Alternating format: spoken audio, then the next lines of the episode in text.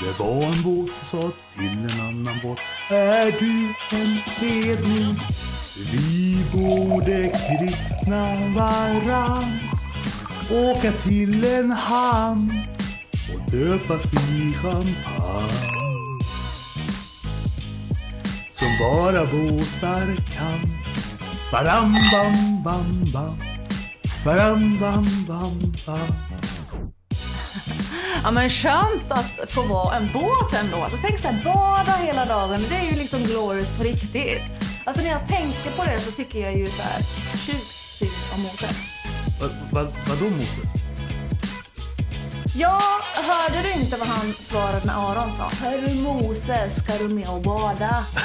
Nej, vad svarade Moses då? Nej, jag kan inte. Vattnet bara delar på sig. På sig. Varmt välkomna till Kristna Datingpodden!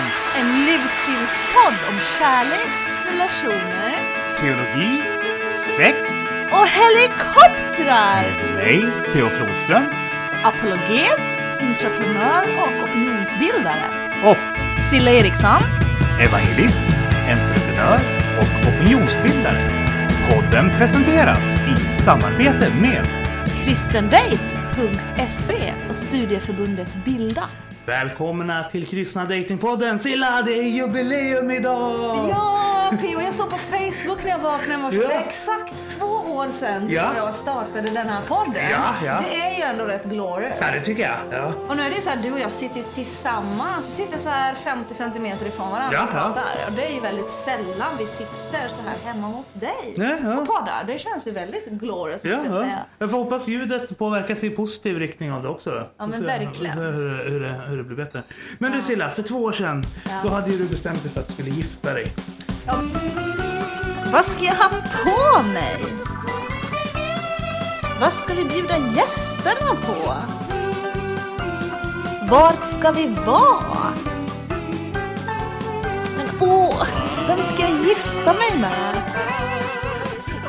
Ska Silla klara utmaningen att både möta sin drömkille och hinna föra honom till altaret innan året är slut?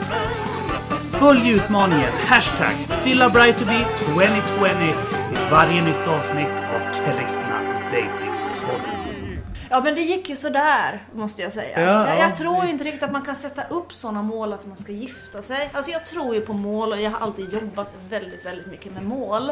Men alltså mål som involverar en annan människa, sådana mål blir väldigt, väldigt svåra. Mm.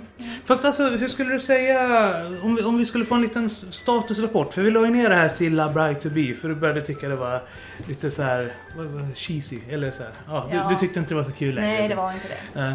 Men, men jag tänker ifall vi bara gör en liten, en liten kort Silla Bright to be 2022, 2023. Hur, hur, skulle, hur skulle du sammanfatta läget då? Ja men du och jag snackade ju om det där igår, att jag, vad var det du sa? Jag är 20 25 Sju- procent. 75% delat på tre, tänker jag. Ja, jag är 25 procent gift kom vi fram till. Ja, 30, ja just det. Ja, just det. inte 25% gift ja. Ja, Så det går ju uppåt ja liksom. det, det går åt rätt håll. Det går åt rätt håll, Ja, definitivt. ja, ja, ja. Och men hur många procent är du gift då? Du är ju snart 99 procent Ja, det gift. måste ju vara det. För, att jag, för jag tänker så här, du är ju 75% flickvän. Eh, och jag tänker flickvän i fas 1. Och sen så kommer ni förhoppningsvis då förlova er. Eh, och då blir det offentligt så får alla lyssnarna reda på vem det är också. Men, ni ska ju vara så hemliga, inte som jag och Kristin som liksom så här. Ja, ja, ja. Ni, ni tog ju det lite lugnt i början också, gjorde ni inte? Ja. Kristin var ju lite bromskloss i början. Ja, jo, jo. Men alltså hon var ju som du är nu mot Mr C. Jaha. Ja, precis. Ja. Ja. Det, hade jag aldrig trott om dig, att du liksom skulle Nej, inta men rollen alltså, nej, nej, nej, nej, men alltså det är, jag, det är verkligen ombytta roller. Jag har ju alltid varit gospel Så att jag tycker det är lite så här weird situation att jag för en gångs skull är bromskloss. Det är konstigt. Jag Ja. är inte van vid det. Jag är alltid den som gasar. Ja, ja. Ja. Men hur tycker du om den här nya sidan hos dig själv? Ja, men jag har inte riktigt så här landat i den känner jag. Det känns lite konstigt. Jag, har inte liksom, jag är ju alltid den som är snabb på bollen och du, du, du, du, du, du, så. Ja, Så ja. det, det känns lite konstigt. Så att jag håller på att liksom vänjer mig vid det här känner jag. ja just det. Ja. Ja. Ja, för vet Kristin sa det också att hon eh, var väldigt ovan med att vara den här lugna, blåa och trygga i en, eh, i en re relation så. För att hon är van med att hon är den som är peppig och sprudlig och full med idéer. Så. Men hon sa att hon, hon kan inte vara så i närheten av mig utan hon måste liksom bli den här lite lugnare. Han är lugnare är jag ju inte. Jag är peppig och initiativtagande och sprudlande så. Men eh, det här är lite speciell situation jämfört med vad jag är van vid kanske. Så därför vill jag också ta det lugnare. Ja, ja. Just.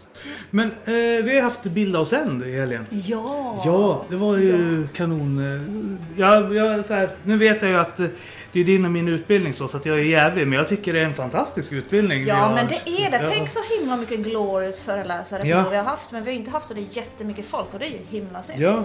Jag menar den här helgen, vi Mm. hade liksom Elisabeth Sandlund som är drottningen av eh, svensk kristen press. Mm. Vi hade Ängen på Malmskillnadsgatan, vi hade Rut Nordström. Och Joel Halldorf, Joel min Halldorf, idol. ja, Joel Halldorf, min och hela PMUs idol Ja, tillägga. ja, Ja, ja. Ja. Ja, Och, och, och Josefin Lennartsson. Ja, hon är glorious. Ja, fantastiskt bra föreläsning av henne. Mm. Verkligen, verkligen. Så himla kul att vi får ha henne nu den här veckan. Ja, Alltså, ja. Det ska bli helt Nej, men sen så tänkte jag på också, både hon och Josefin Arrhenius, det verkar vara en gemensam Mm. faktor med ifall man heter Josefin. Eh, att då pratar man på temat vilken doft vi lämnar efter oss i våra Ah, mellanmänskliga så. relationer och sociala Det är medier. lite samma tema där faktiskt. Mm, verkligen. Mm. Har du några tankar kring det? Det här med vilken doft vi lämnar efter oss i Ja, men jag, jag tror att alla lämnar efter sig någon typ av doft. Sen kanske inte alla människor är medvetna om det. Mm. Och jag tänker att det är viktigt att bli medveten om vad är det egentligen som jag ger ifrån mig. Mm. För det är kanske så att man, alla människor är inte tillfreds med vad man lämnar efter sig. Mm, Och Man kan inte förändra saker om man inte först liksom skapar någon slags medvetenhet kring vad det är för någonting. Ja. Men jag tror egentligen att de flesta människor är väldigt måna om hur andra människor ser på en och eh, liksom vad man, vilken doft man lämnar Mhm. efter sig. Liksom. Eh, Så att jag tror att skapa mera medvetenhet kring det, det hade nog väldigt många människor eh, mått bra tror jag. Mm. Det här pratade ju Elisabeth om också, för hon har ju skrivit en artikel i veckan Mm. som gick eh, om Emanuelkyrkan. Ja. Som, som var så här resonlig och lite så här, det, det var inget konstigt med den. Mm. Men kommentatorsfältet som skapades, det var så här. Mm. Folk, alltså kristna tog ju heder och ära av varandra, kallade varandra för djävulens barn och Mm. du vet det ena med det tredje. De kände ett starkt andligt tilltal och folk haft drömmar om att eh, människor leder folk till helvetet och det ena med det tredje. Jag pratade med Olof Edsinger här för någon dag sedan. Han hade skrivit en artikel där han recenserade boken En enda kropp. Hans artikel var så väldigt Ganska mjuk, resonerande, så. eh, Inget konstigt.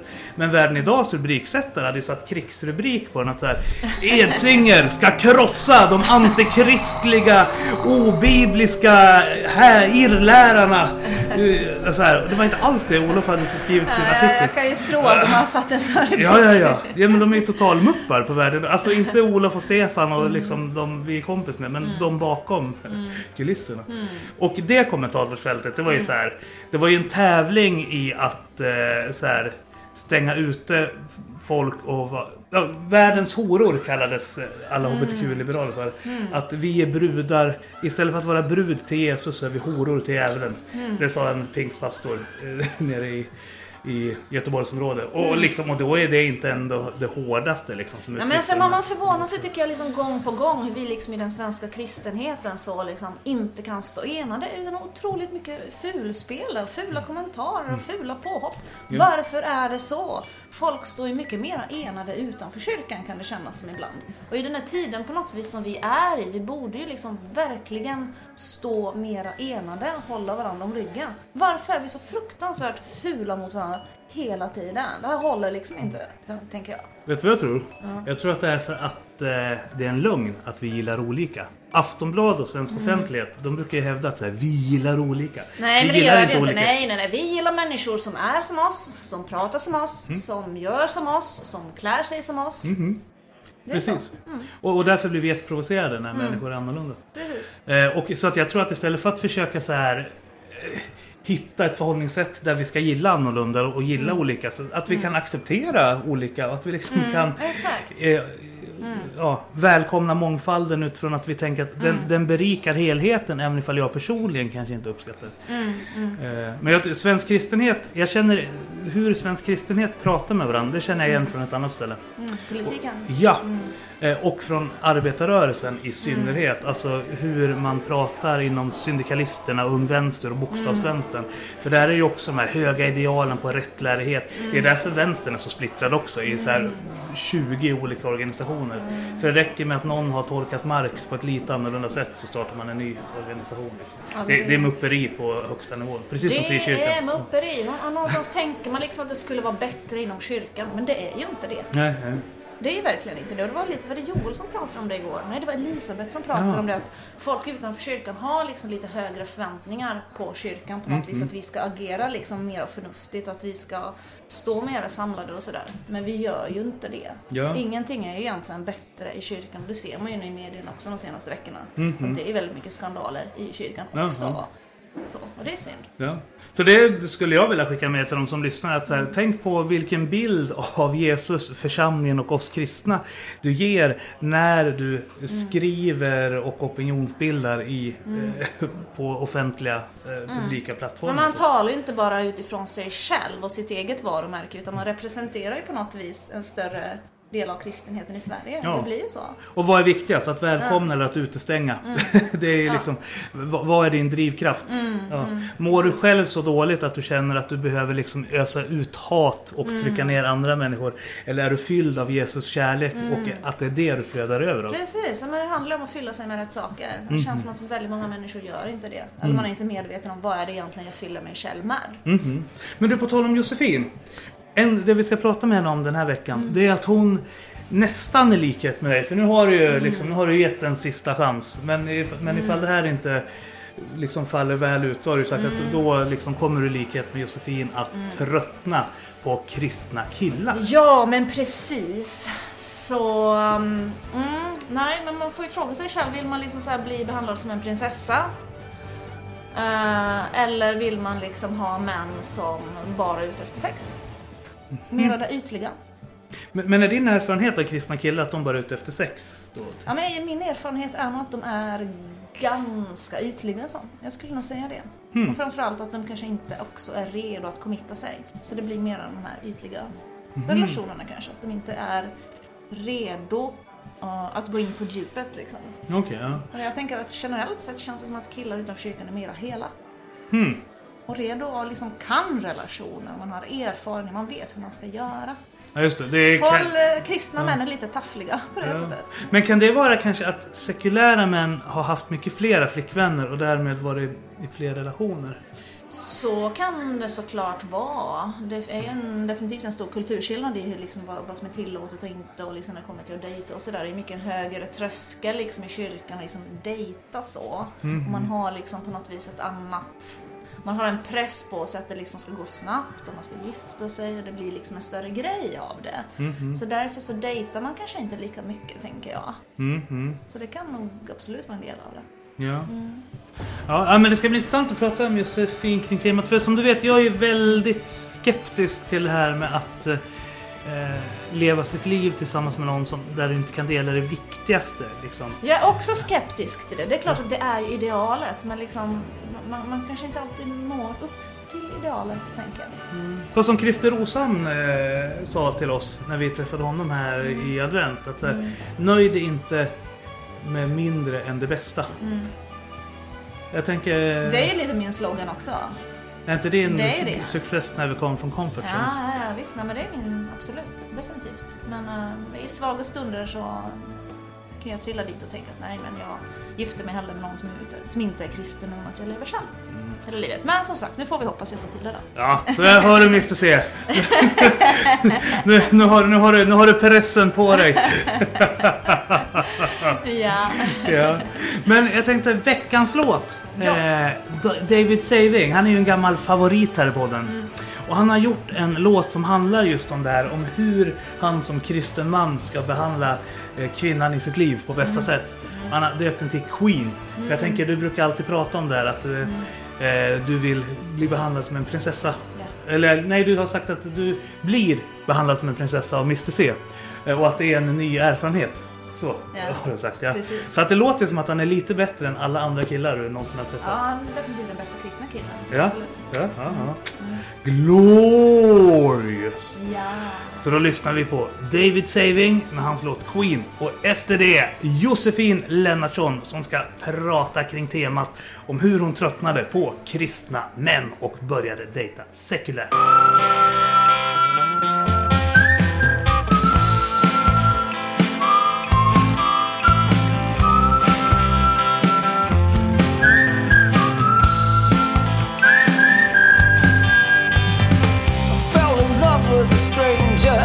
Now she's my queen.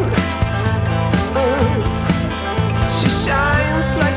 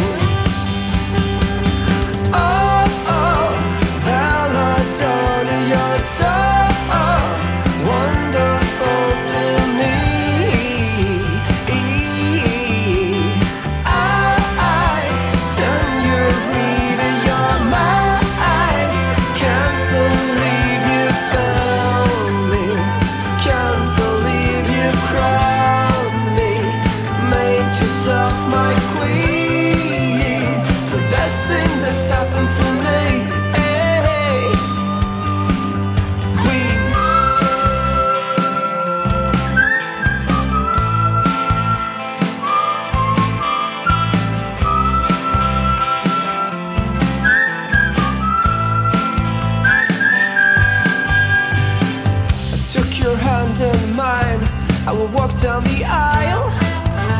Yeah. How lucky can a man get that I get to call her wife?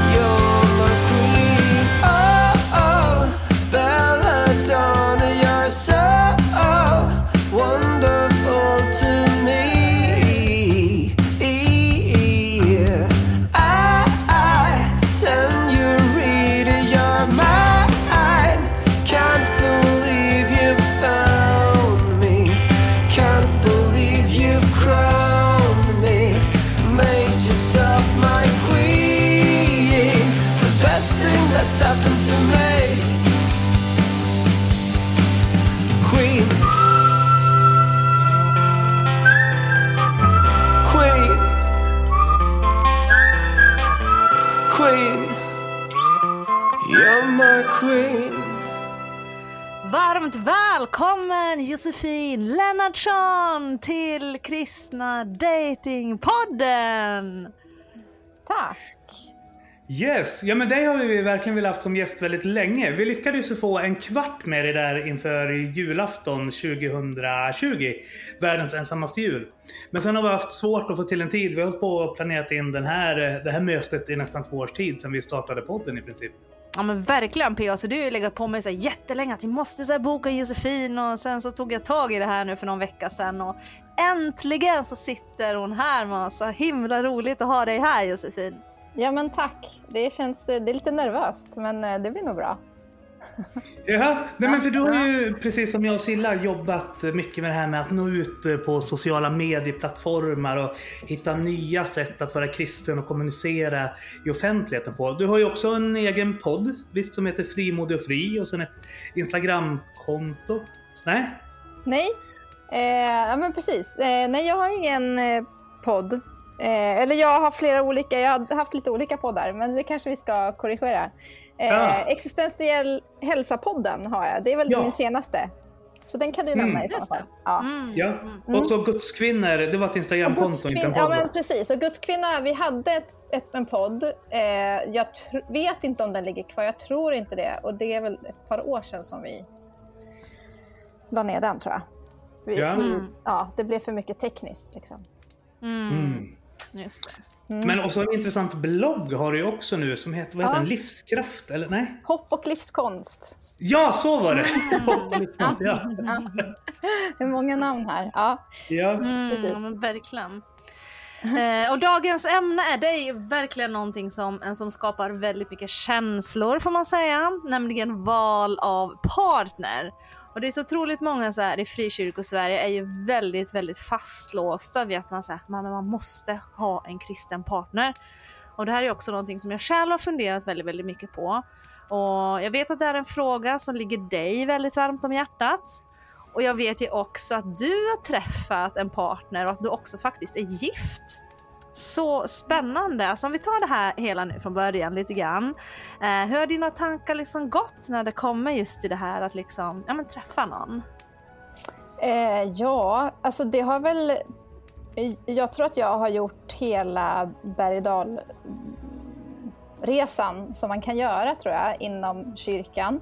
Eh, jag ja, men länge väntade liksom på... Men har, har nog alltid varit ganska så här trygg i att jag kommer att träffa rätt person i rätt tid. Så att liksom under lång tid så var det inte någonting som jag var särskilt stressad över eller som jag ja, men som, som upptog så mycket av min tid, utan jag engagerade mig i andra saker som jag tyckte var viktigare. Och så, det har varit en av mina strategier, att liksom göra det jag brinner för och så kommer jag träffa min man under tiden. Lite, lite så har det varit. Eh, Mm. Sen, sen eh, ehm, har det väl varit lite så här, jag har testat lite olika jag var ut, ja, det är ganska länge sedan nu, men så var jag så här, ja, men jag ska testa de här datingsidorna. Då var jag inne på, då tog jag en kristen och så tog jag en icke-kristen. Men jag hade, och så hade jag två ganska olika profiltexter, men där jag var väldigt tydlig med liksom, eh, vem jag var. Så på den kristna datingsidan, där förstärkte jag mina flummiga sidor jättemycket.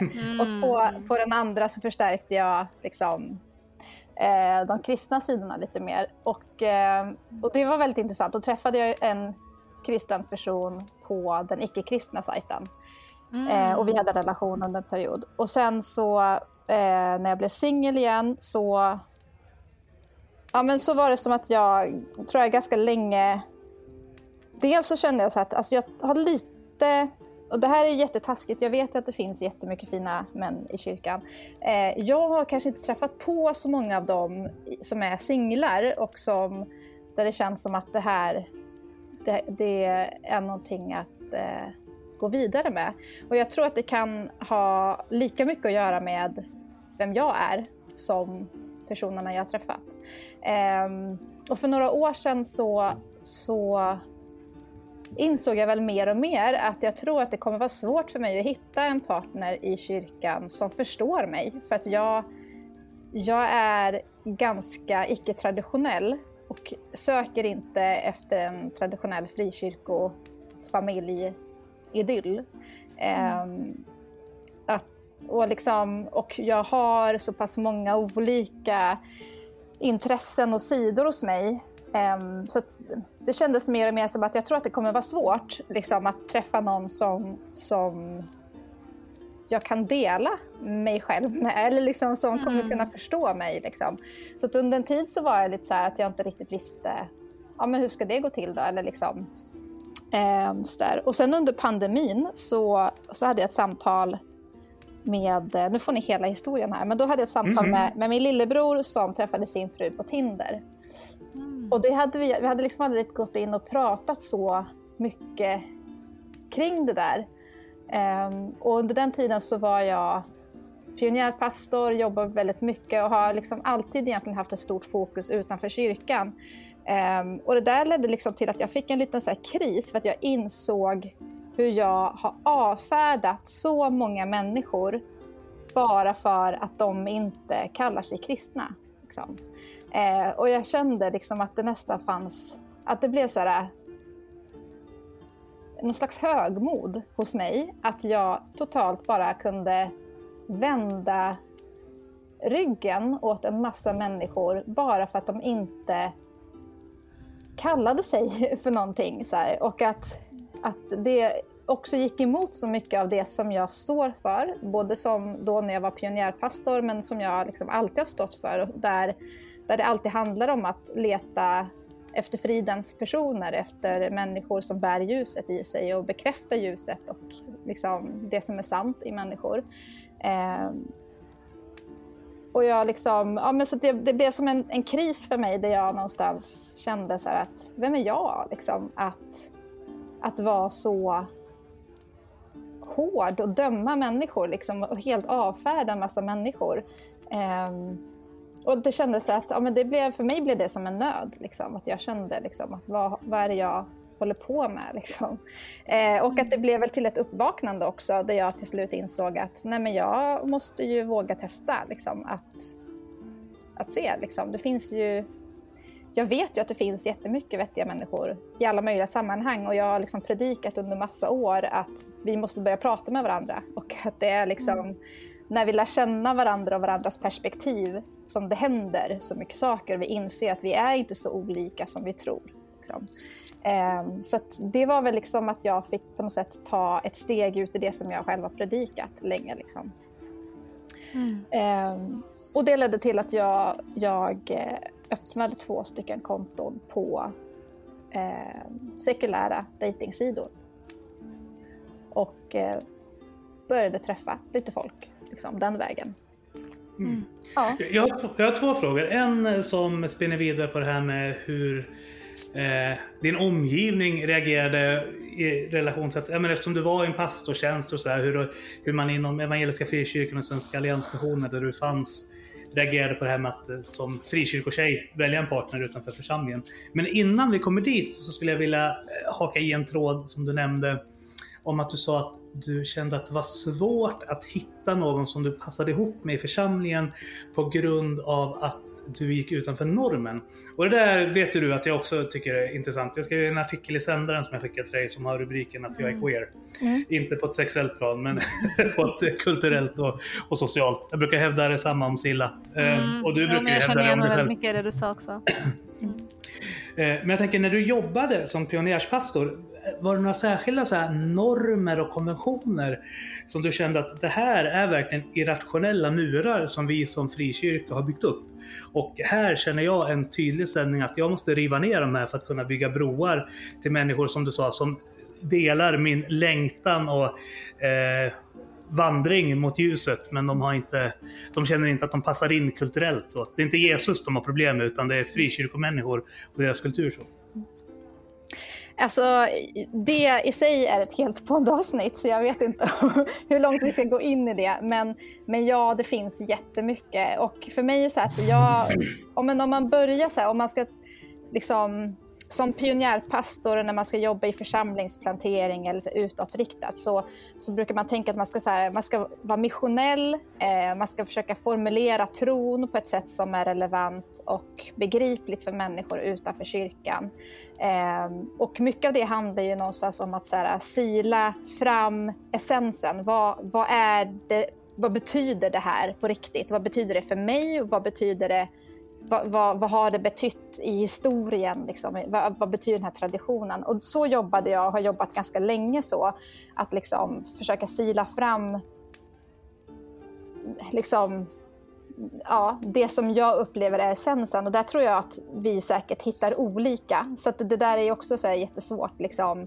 Jag tror inte att jag, jag kan inte ge ett svar som gäller för, för hela frikyrkan och alla frikyrkliga. Men eh, jag var dessutom i en kontext och, och eh, rör mig i en kontext som är i liksom alternativandliga sammanhang eller kyrkan brukar vi kalla det för new age. Det är lite fel ord, men, men människor som är andligt öppna och eh, existentiellt vakna. Liksom.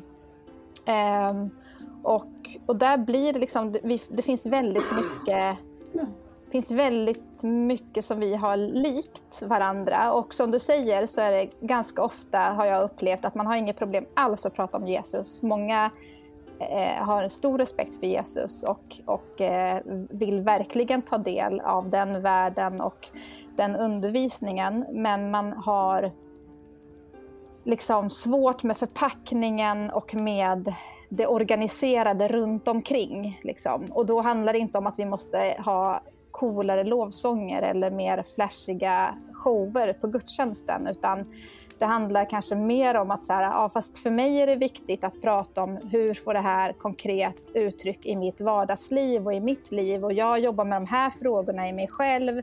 Eh, jag, jag, söker efter helhet och jag vill leva autentiskt. Här, och att alltså, de samtalen ryms inte riktigt i en kyrka kyrklig kontext alltid upplever jag. Eh, mm -hmm. Så, så det är väl med det tror jag, som kanske liksom att det... Eh, ja, de här lite djupare frågorna som handlar om mig och mitt vardagsliv, min hälsa eh, i relation till de här större frågorna om vad som ger mitt liv mening och vad som är sant och vad det är jag ska investera eh, mig själv i. Liksom. Mm. Mm -hmm. Silla, det vore intressant att höra dig, för att du har ju upplevt samma sak som det Josefin formulerar. Just att du har svårt att känna en connection med kristna killar för att du mm. att de kommer med förväntningar som inte passar in och liksom så kan fånga in dig. Så.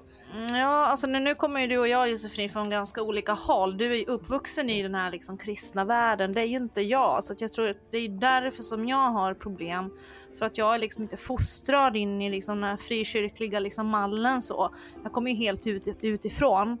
Så att jag tror att det är därför jag har problem, för jag kan ju inte läsa av de här liksom sociala koderna i kyrkan och förväntningarna och sådär. Det finns ju väldigt mycket, liksom märker man när man dejtar och sådär, förväntningar på hur jag som kvinna och tjej, framförallt kristen tjej då, ska vara.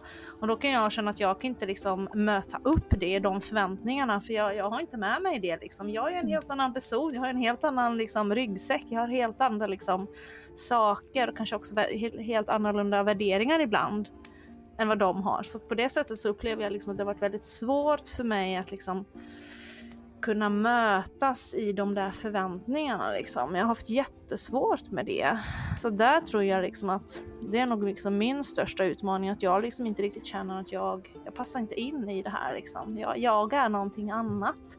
Så jag har ju upplevt att jag connectar ju på ett helt annat sätt med män utanför kyrkan. För att vi liksom, vi, vi förstår varandra ofta på ett annat sätt. Mm. Även om jag kanske inte alltid kan dela min tro då. Men ofta så upplever jag ändå liksom att sekulära män ändå är väldigt öppna för det och vill verkligen förstå och kan ändå på något vis liksom möta upp där. Och det kan jag tycka är väldigt, väldigt fint att man liksom ändå på något vis kan mötas i det där och hitta varandra i det. Så att jag måste ändå säga att jag kan nog ibland känna mera connection och mera samhörighet. Och framförallt känner jag mig också många gånger bättre behandlad av män utanför kyrkan än mm. män i kyrkan. Mm. Och jag vet inte riktigt vad det beror på alla gånger, men det är nog min erfarenhet. Nej, men och jag, jag har hört eh, Jag har hört det från fler som, som har samma erfarenhet. Eh, mm. Alltså jag har ju egentligen aldrig blivit ghostad eller behandlad som luft av någon utanför kyrkan. Men mm. ganska ofta av män som jag har träffat och dejtat i kyrkan. Mm, eh, det har funnits ganska mycket och där jag kan tolka det som en osäkerhet och en otrygghet hos de här männen. Mm. Men, men det lämnar en känsla av att jag inte är någonting värd eller att, att jag inte... Eh, ja, man mm. känner sig ganska betydelselös. Liksom. Eh, och där jag upplever att det finns en helt annan ett helt annat sätt att kunna hantera den typen av situationer som inte är så laddat. Och jag, så här, det här har vi pratat hur mycket som helst om under, ja men så här, när man var 30 och singel och förfasade sig tillsammans med sina singelvänner. Eh, om liksom hur svårt det verkar vara för en del kristna män. Båda så här, pratar känslor, att dejta.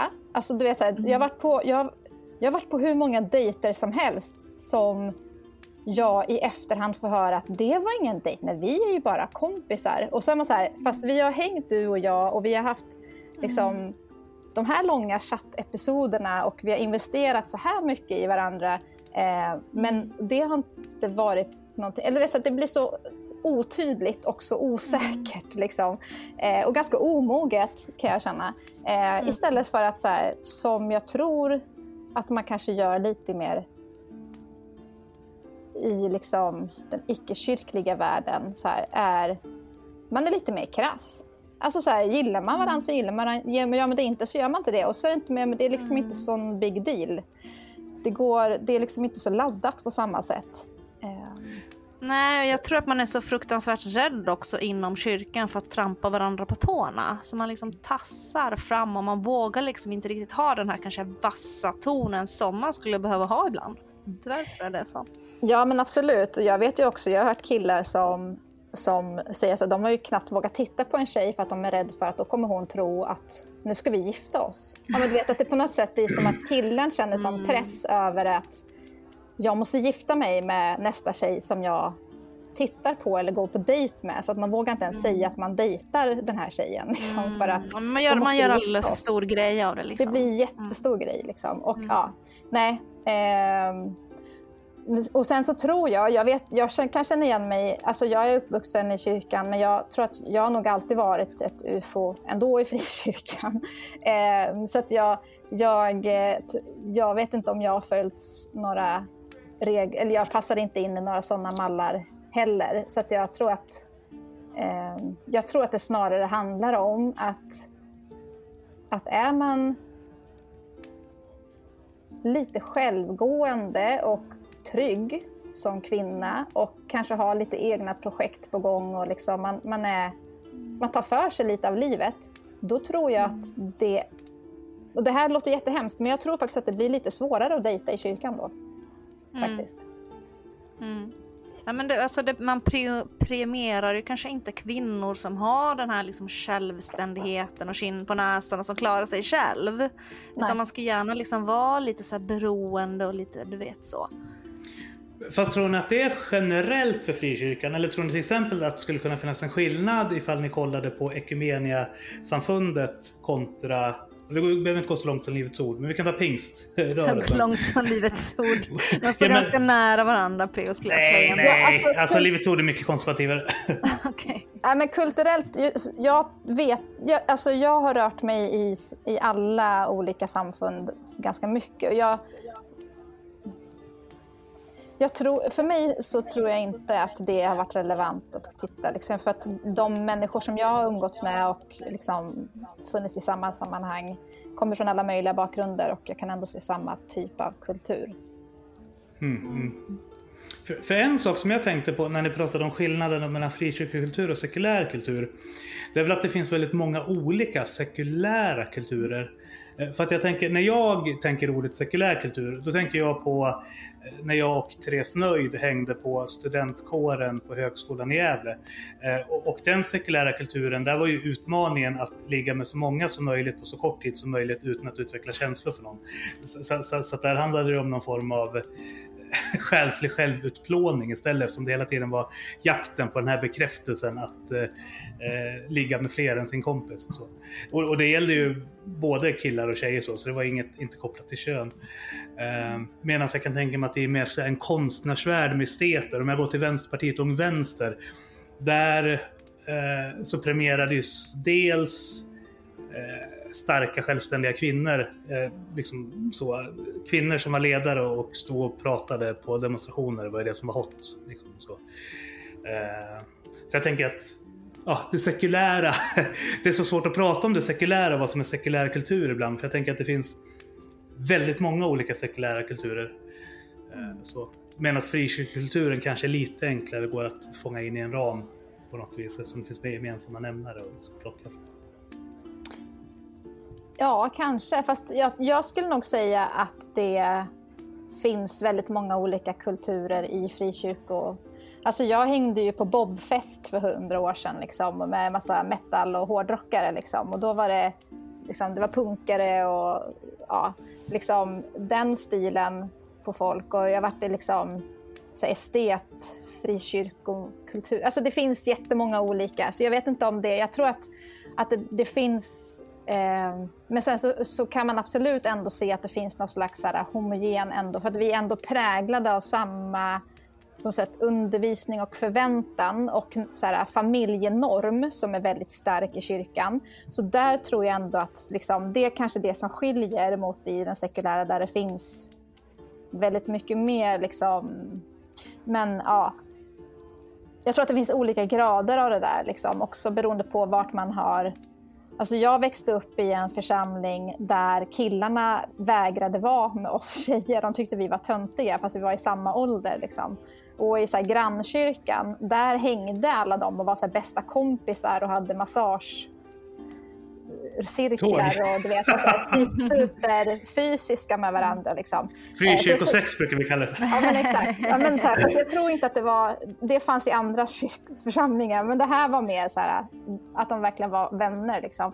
Men att ehm, Nej, alltså att jag tänker att det är så olika i vilken kontext man har vuxit upp också. Det är olika kulturer i varje församling, liksom, olika saker som, som sätter sina spår också. Liksom.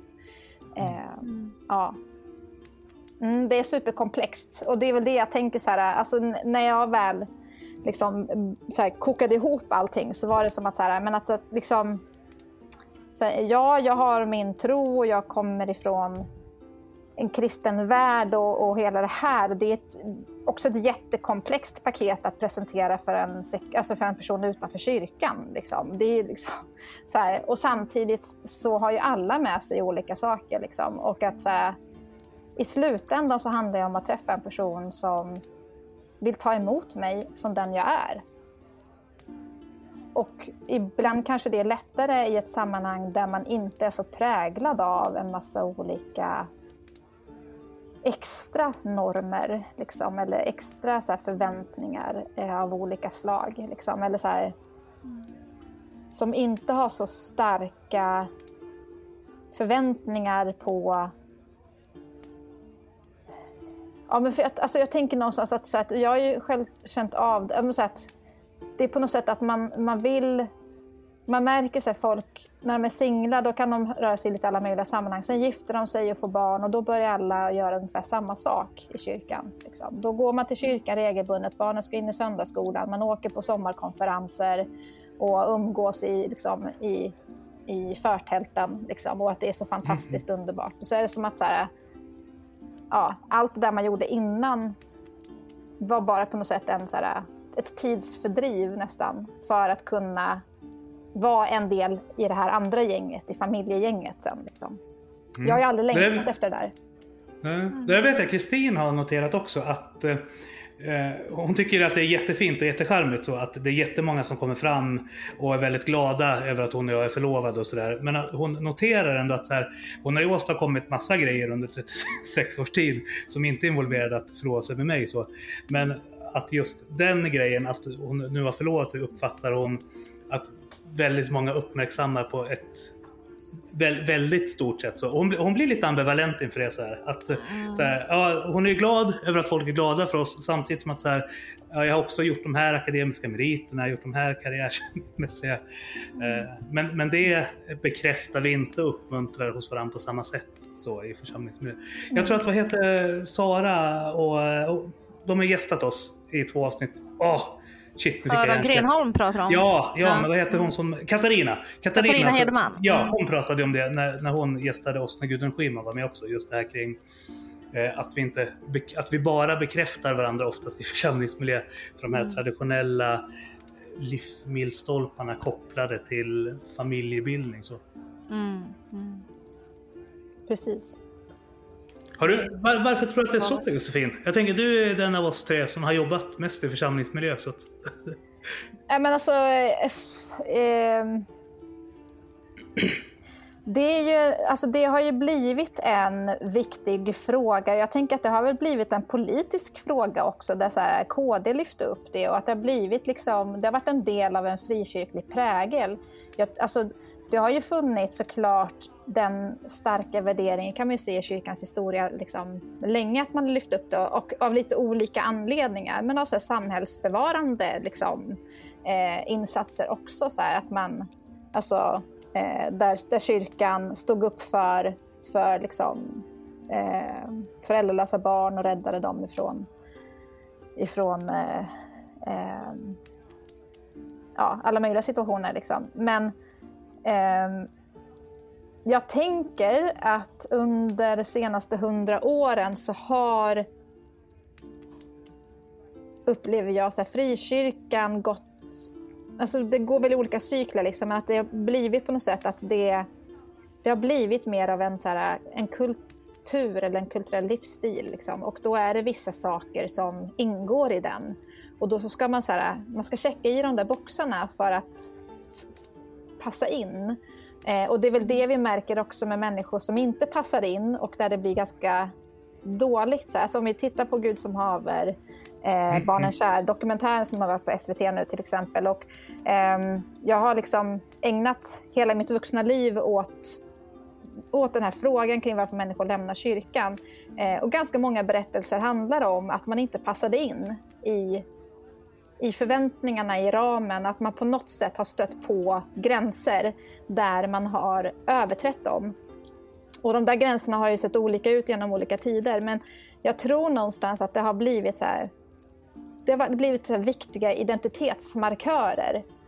Eh, och min analys är för att så här, Alltså det här är ju en krass analys också, men jag, jag tänker så att ju närmare Jesus vi kommer, desto mindre behöver jag ha min identitet som mamma eller, eller partner eller socialdemokrat eller någonting annat, utan alltså att jag kan på något sätt vara ganska ren i, min, i mitt sätt att se på mig själv, att jag är människa först och främst. Liksom. Eh, men att så här, ju mer vi behöver hänga på oss andra typer av identiteter, desto viktigare blir det att markera vem som är med och vem som inte är med. För att annars blir jag otrygg i min egen identitet. Liksom. Eh, ja. Så jag tänker väl att det är väl det att jag tänker att kyrkan någonstans har blivit lite, det är någon slags kollektiv identitetskris som jag tror har lett fram till att mm. det blir väldigt viktigt med vissa normer. Mm.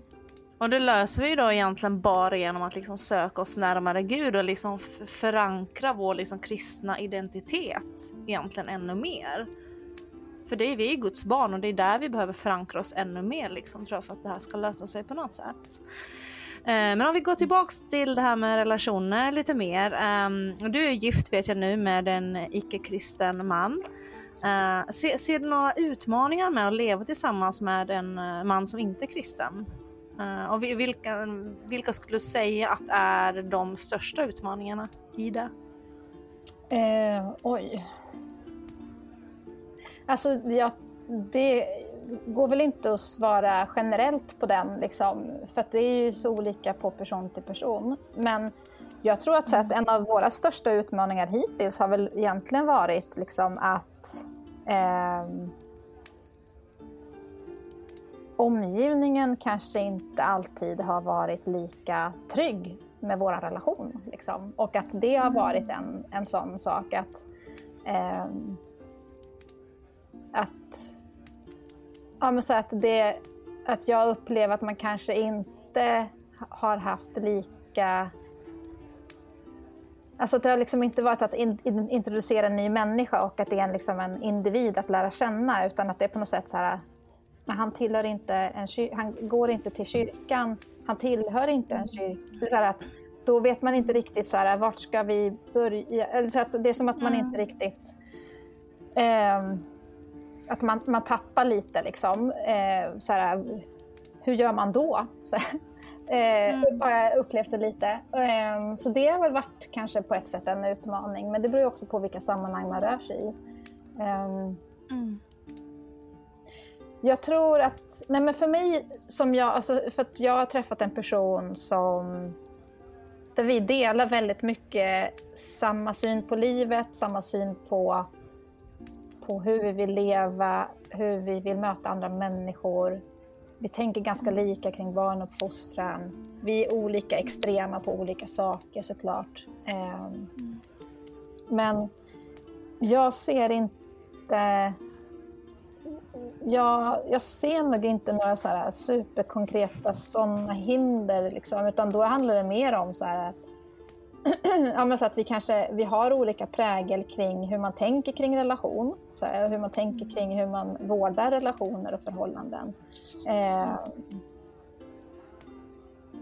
och så här att, hur, kanske att, så att jag har en annan jag har ett annat värdepaket med mig från början när det kommer till så här, familj och liksom, eh, hur, man, hur man värderar familjerelationerna och så här. Liksom. Och där, där det kanske ser olika ut. Liksom. Men det tror jag också är väldigt individuellt. Liksom. Men eh, ja, det, är väl, det skulle jag nog säga att det kanske är framför allt där. Liksom, att, att eh, ja, att det, det skulle nog vara ett av våra största utmaningar tror jag.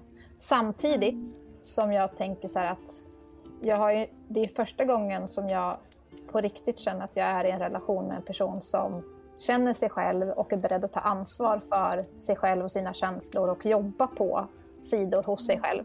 Vilket för mig gör att, att det är mycket lättare att ha en relation med en person som någonstans kan se sin egen skit och ta hand om den.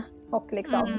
vilja så här, växa som människa och utmana sig själv i kontexten relation också. Och att så här, där vi kan vara i en öppen bearbetning av hur det är att vara i relation med varandra och där vi kan prata om sådana saker utan att det blir något laddat eller något jobbigt utan det är en del av våran vardag. Liksom. Eh, Mm. ja. Så att även om vi kanske värderar själva förhållandet på ett sätt olika eller vi lägger olika saker in i, så här, i vissa, liksom, vissa ja, men säg hur man ser på relation. Samtidigt som, som jag tror att jag har fått liksom eh, ja, min erfarenhet i alla fall, en, en mycket bättre partner i just hur, hur vi kan möta varandra liksom, emotionellt och eh, psykologiskt. Liksom, för att faktiskt kunna så här, vara i en relation med varandra. Vi är så här, två vuxna människor i medelåldern, det är inte superenkelt att inleda en relation och så här, flytta ihop och liksom, Mm. ja, ändra en massa av sina invanda rutiner. Liksom. Mm. Nej men det är ju så i vår ålder så man är verkligen liksom, man har ju ett bagage och det, är- det är ju svårare i vår ålder. Så, och Mm. liksom träffa någon och dela ett liv, så är det ju. Det är Mm. lättare när man var 20 för man hade inte lika mycket saker med sig. Nej. Men det låter ju ändå som att du verkligen har träffat en person som är villig att se också sitt eget bagage och se sina egna sår och verkligen jobba med det och ta ansvar för det. Och det är ju, tror jag någonting som är otroligt viktigt Mm. om man ska kunna träffa någon och bygga ett liv tillsammans. Att Verkligen. man inte lever i någon slags förnekelse eller blindhet utan man verkligen är medveten. Att det finns en medvetenhet kring såren och allt man har med sig och, och verkligen att man kan ta ansvar för det. Så Verkligen. det är verkligen bra. Sen, eh, sen det du sa där i början också med att egentligen är den största utmaningen för er det är egentligen hur omgivningen bemöter er och det tycker jag är väldigt, väldigt intressant och jag tycker också att det säger ganska mycket om vår brist i kyrkan i att möta människor som kanske tänker på ett annat sätt eller lever på ett annat sätt än vad vi gör. Så där tror jag liksom att vi, vi har väldigt mycket att jobba med i kyrkan också.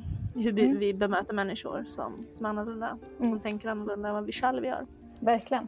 Ehm, Verkligen. Samtidigt vill jag ju säga det att alltså jag har ju, det, vi har fått jättemycket fint stöd också så det är ju inte så att Mm. liksom, eh, det varit förhållandevis lite kommentarer. Liksom. Men jag tror att, att liksom, ja.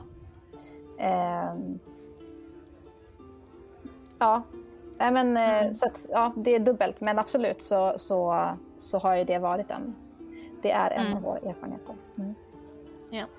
Och jag, jag har ju funderat jättemycket på det här med val av partner som ni säkert vet och förstår. Och jag, jag kan ju nog liksom säga att jag har ju landat lite, lite grann så här i att ja, men jag gifter ju mig hellre med någon som inte är kristen än att jag lever själv. Och jag tror också i ärlighetens namn att det är väldigt, väldigt många i vår ålder som tänker så. Och vi kvinnor är ju också som bekant i numerärt överläge i kyrkan. Och det är ju också ett faktum som vi behöver förhålla oss till. Att eh, de kristna männen inte räcker till alla oss kvinnor. Eh, hur, hur tänker du där, Josefin? Ja, alltså... ehm, vad är kristen?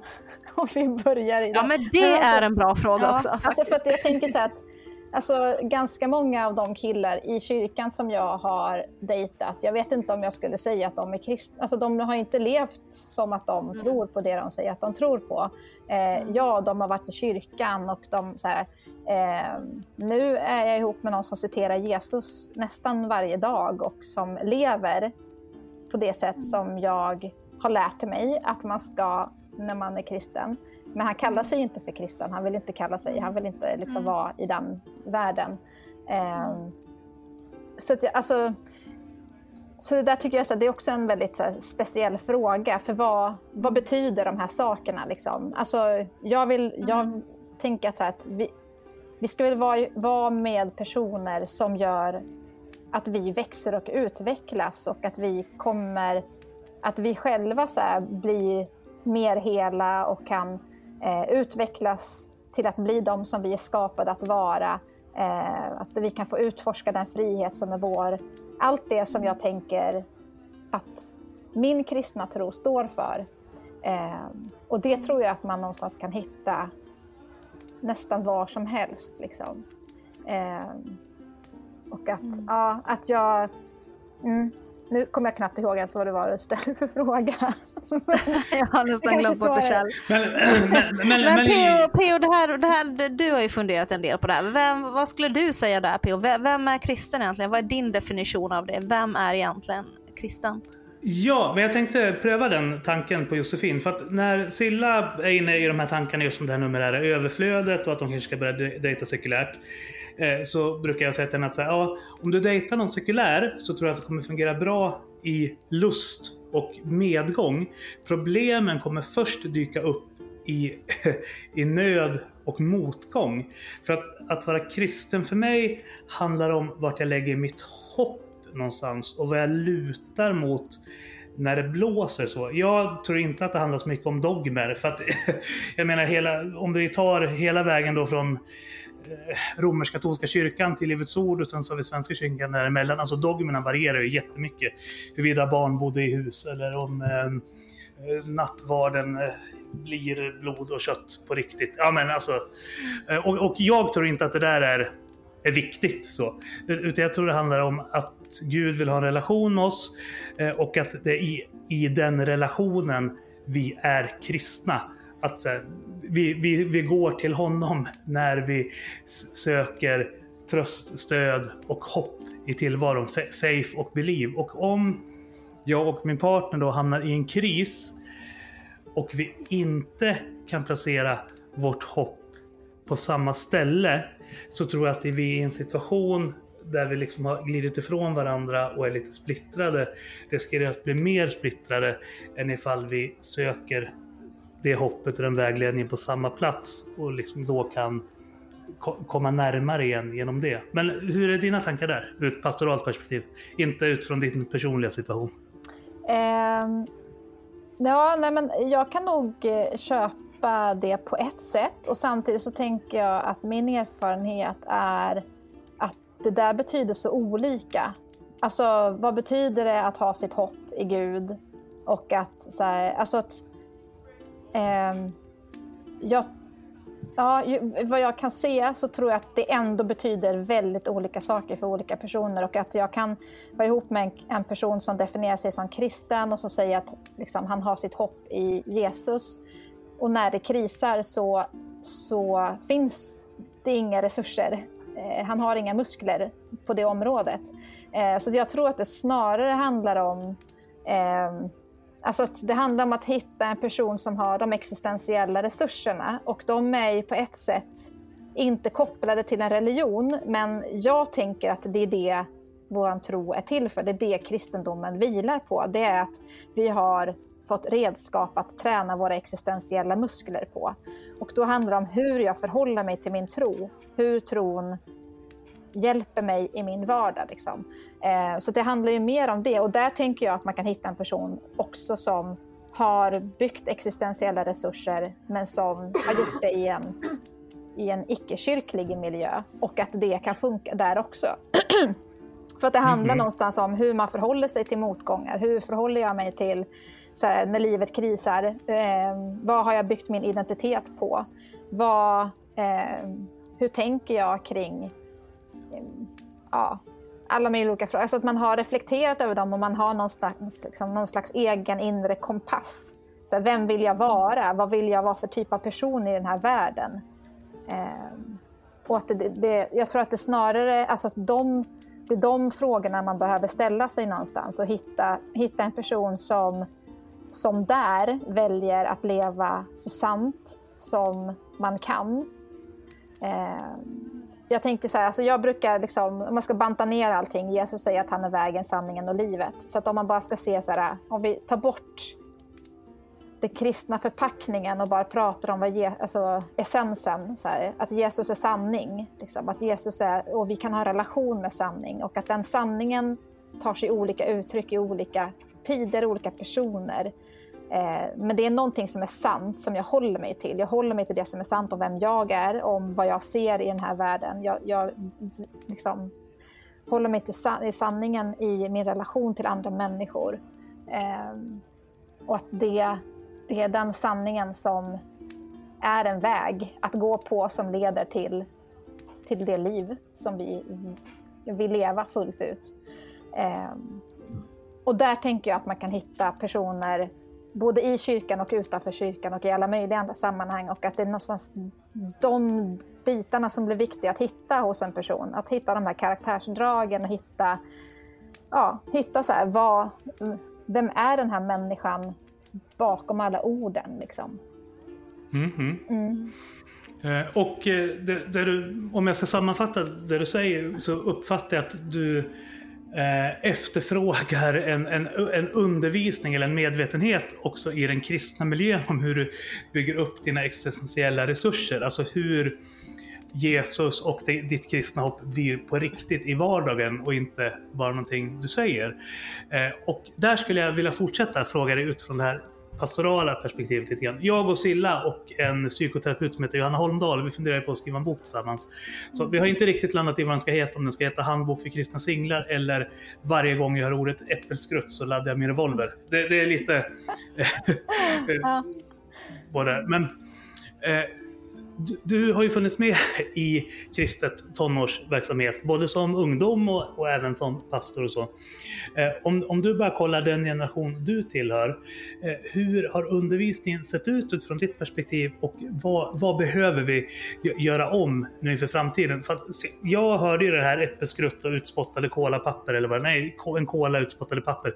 Sist jag hörde det, det är inte så länge sedan, det är typ så här 2015 eller 2016 i en EFK-församling som låg ganska nära den som du jobbade, så att du känner säkert pastorerna som hade den här undervisningen dessutom. Men så att det är ju ingenting som liksom befinner sig på 90-talet, utan det finns ju här, här och nu. så.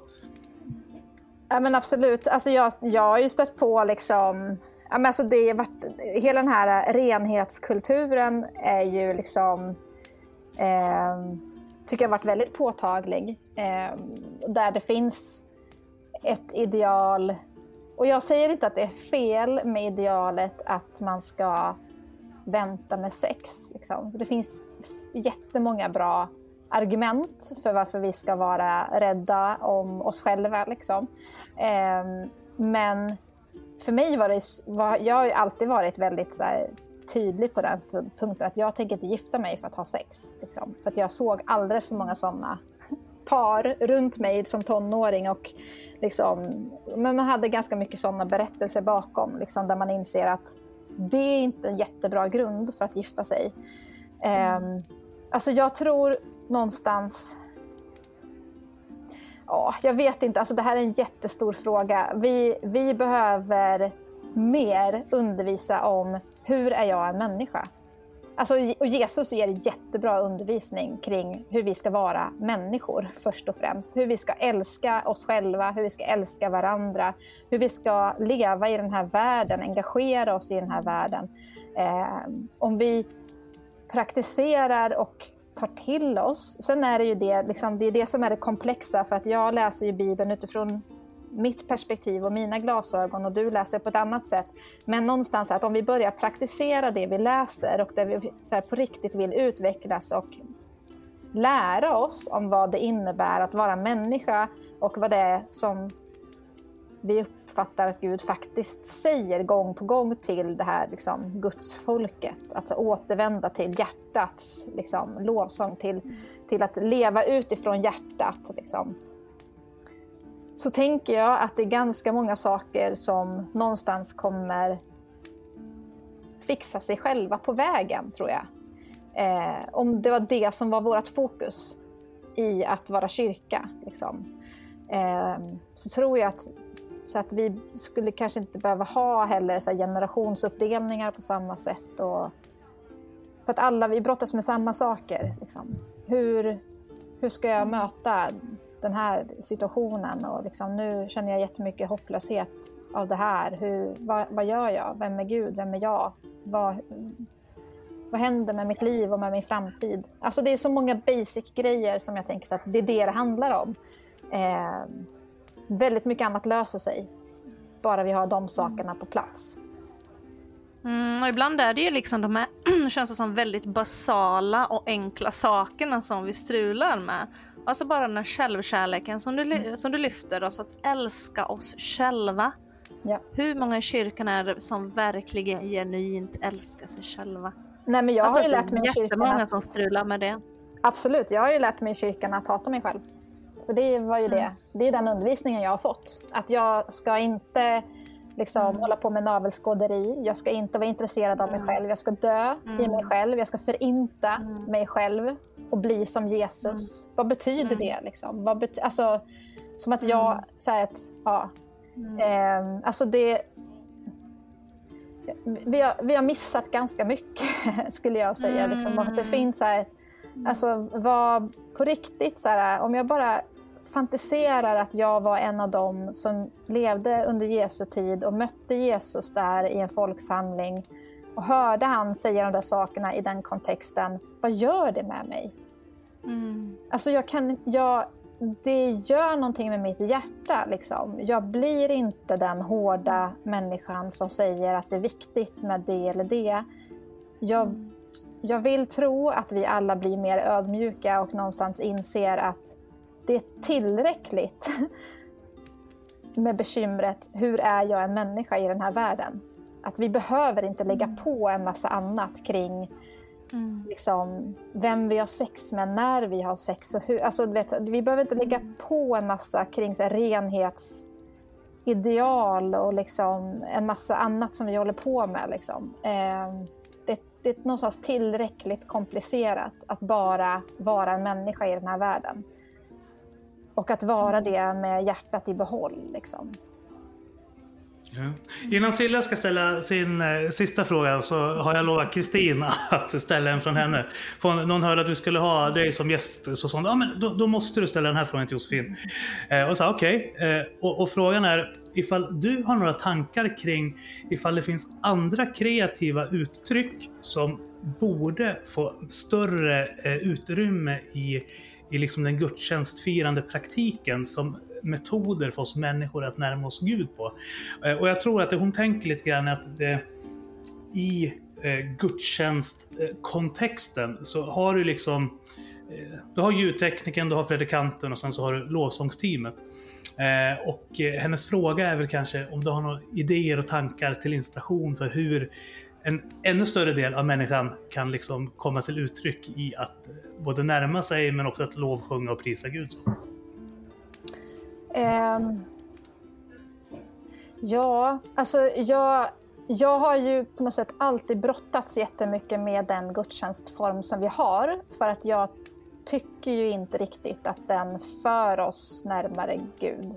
Eh, absolut att en del undervisning kan göra det ibland, liksom, eller att en stund i lovsången eller att tända ljus på slutet. Eh, att det finns moment, men jag...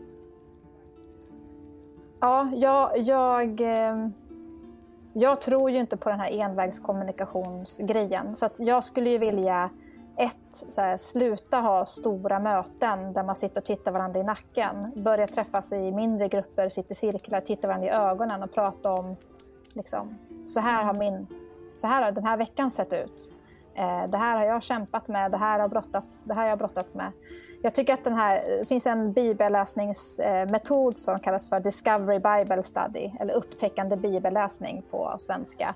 Som handlar om att här, vem som helst kan läsa Bibeln och prata om vad, den, vad det här, berör i oss och vi kan alla bli utmanade av det. Så att vi på något sätt alla kan bli uttolkare av, eh, av bibeltexten liksom, och koppla det till så här, våran egen vardag och kontext. Och jag tänker att det är det, det, är det vi, liksom, vi behöver göra. Så jag, en annan så här, alltså som jag tänkt på under dagen, det är liksom att jag, vi kan inte komma närmare Gud om vi inte är beredda att komma närmare oss själva. Mm. Så att alla former av metoder som gör att jag växer i självinsikt, som gör att jag ökar min egen självreflektion, breddar mina perspektiv och mina sätt att förstå den här världen och förstå mig själv. Eh, alla sådana metoder är bra. Eh, mm. För att ju närmare Gud jag kommer, desto närmare kommer jag mig själv. Och är jag inte beredd att komma nära mig själv, då kan jag inte komma närmare Gud. Så det är jag, alltid jag som är hindret eh, för att mm. komma närmare Gud. Mm. Så ja, inget super superenkelt svar, men eh, det är väl... Ja. ja. Nej, men eh, väldigt eh, kloka tankar. Jag håller med dig om väldigt mycket där. Liksom, jag tror att väldigt mycket av kärnan handlar om att liksom, lära känna oss själva. Det är Gud som har skapat oss mm. och att då kan vi också närma oss Gud på ett, eh, på ett nytt sätt. Så det är ja, jätte, jättebra. Det, mm. Verkligen. Eh, men avslutningsvis då, vi har ju massa uh, lyssnare, singlar i vår ålder som, som lyssnar på det här och uh, som jättegärna vill träffa någon.